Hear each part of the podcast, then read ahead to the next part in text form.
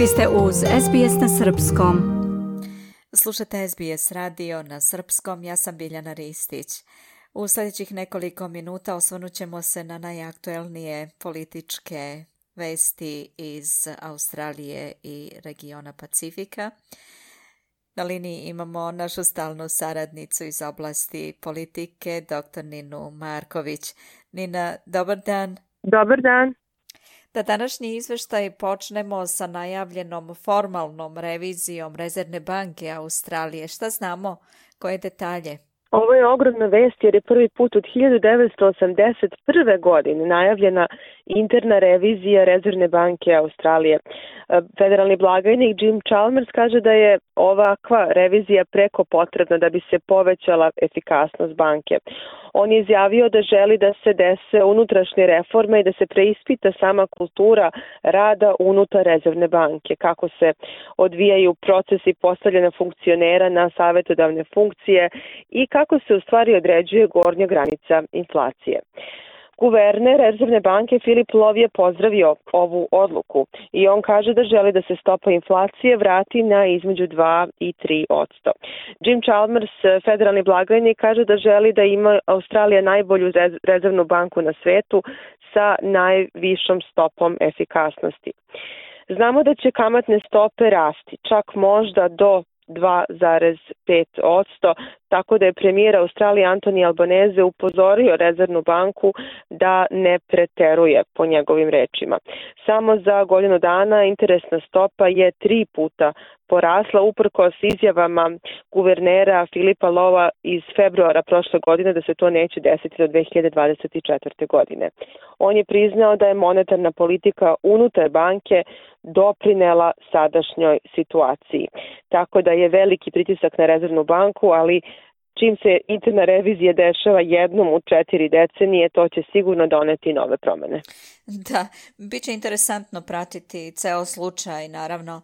A Nina, osnovana je jedna neobična grupa koja se zove Kineska mineralna grupa, koja će navodno direktno pregovarati sa australijskom vladom o izvozu rude gvožđa. Šta znamo o tome?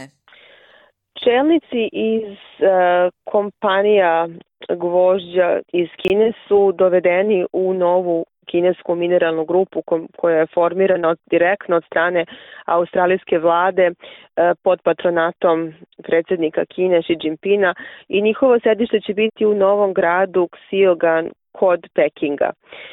Ona će imati veoma bitnu ulogu u pregovorima sa državama poput Australije oko rude gvožđa koja direktno e, utiče na čitavu, na mnoge grane u stvari privrede unutar Kine. Sa Australije, sa australijske strane dobili smo komentare da australijski eksperti ne očekuju previše promena. Međutim, oni se nadaju da će Kina skinuti zabranu iz 2020. godine na uh, uvoz australijskog uglja. To je bila industrija koja je donosila preko 14 milijardi dolara zarade australijskoj vladi. Uh, Tako da će biti zaista zanimljivo kako će se ova nova grupa pozicionirati i na koji način će dobiti možda veće koncesije u pregovorima sa Australijom, ali definitivno je da Australija konstantno traži e, da se znači skinu mnoge od zabrama u trgovinskom sektoru, a posebno na uvoz u Kinu australijskog uglja. Videćemo šta će se dešavati na ovom polju i pratit ćemo situaciju. Da, Nina, izgleda da je Australija još uvek jako zabrinuta zbog kineskog uticaja u regionu, pošto je Nacionalni bezbednostni koleđ preporučio da Australija mnogo više ulaže u potporu u IT sektoru u Indoneziji. Australijska prošla vlada je dosta zakazala, što bi se reklo, u svojim odnosima sa Indonezijom, tako da je Kina iskoristila svoju šansu i uvezla veliku količinu hardvera za E, potrebe indonežanske vlade i takođe obavljaju dosta treninga u tom polju. Tako da je najnoviji izveštaj sa Australijskog nacionalnog univerziteta koleđa za nacionalnu bezbednost rekao da Australija direktno mora uložiti u ovaj sektor u Indoneziji da bi se na vreme, po njihovim rečima, suzbio dalji utice Kine u ovom polju. Međutim, sada, do sada nemamo zvaničnu reakciju australijske vlade. I Nina da završimo jednom interesantnom vešću koja dolazi ovog jutra, a odnosi se na potrošnju u okviru australijskih ministarstava i to na luksuzne hotele u Mjanmaru. Šta znamo o tome? Ovo je pomalo šokantna vez. Australijska ambasada U Mijamaru, Jangunu je potrošila preko 750.000 dolara na luksuzne hotele koje su direktno povezani sa vladom Mijanmara i Ministarstvom odbrane. Da podsjetimo, od februara prošle godine preko 2000 građana Mijanmara je ubijeno, a preko 14.000 uhapšeno kada je e, vojni puč doveo sadašnji režim na vlast. DFET je obelodanio ove podatke pod eh, zahtevima grupe Justice for Myanmar ili Pravda za Myanmar. Ministarstvo odbrane Mijanmara je sankcionisano od strane Velike Britanije, SAD-a i Kanade, a upravo je to ministarstvo držalo u svom zakupu brojne hotele na koje je australijska vlada potrošila ogroman novac.